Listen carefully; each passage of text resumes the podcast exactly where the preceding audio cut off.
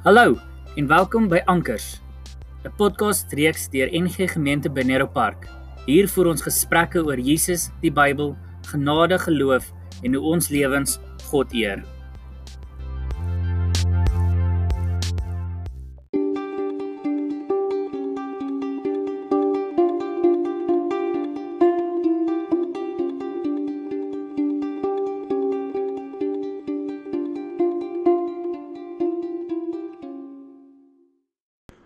Goeiemôre.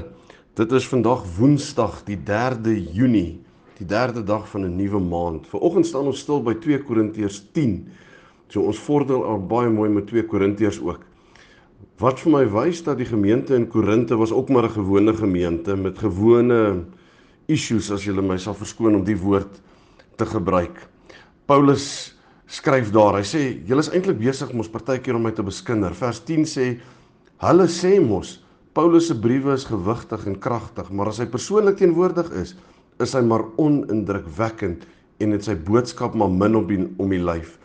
Ek moes lag toe ek dit lees. Want toe dink ek ja, weet julle Korinte, ons is ook maar net ons mense soos mekaar. Daai tyd al het mense sommer so, jy weet, hand so agter die hand ietsie van iemand gesê en saam daaroor gelag en so. So dit laat my ook maar net weer dink ons is maar gewone mense.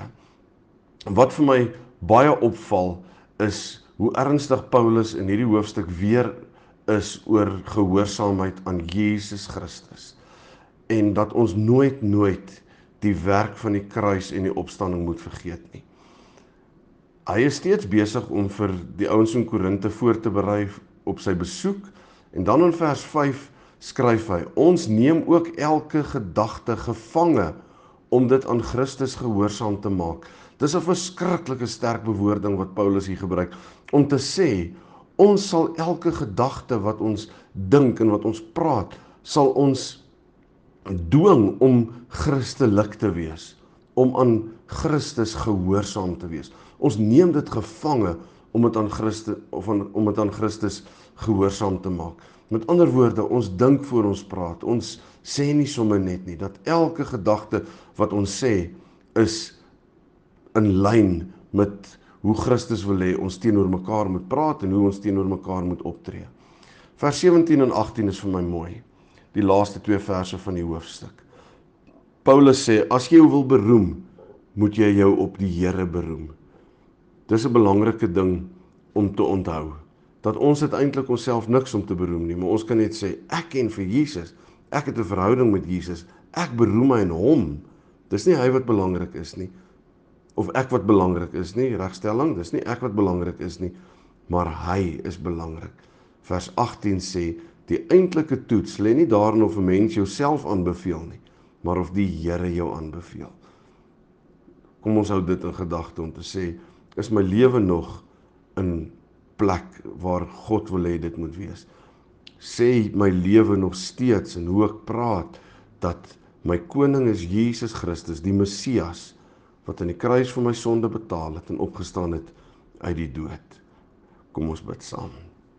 Hemelse Vader, ons besef dat ons ook maar net gewone mense is. Ons dink aan 'n hoofstuk of 2, 3 terug waar Paulus geskryf het ons is maar breekbare kleipotte. Ons as mense, ons het foute, tekortkominge en soms gly ons.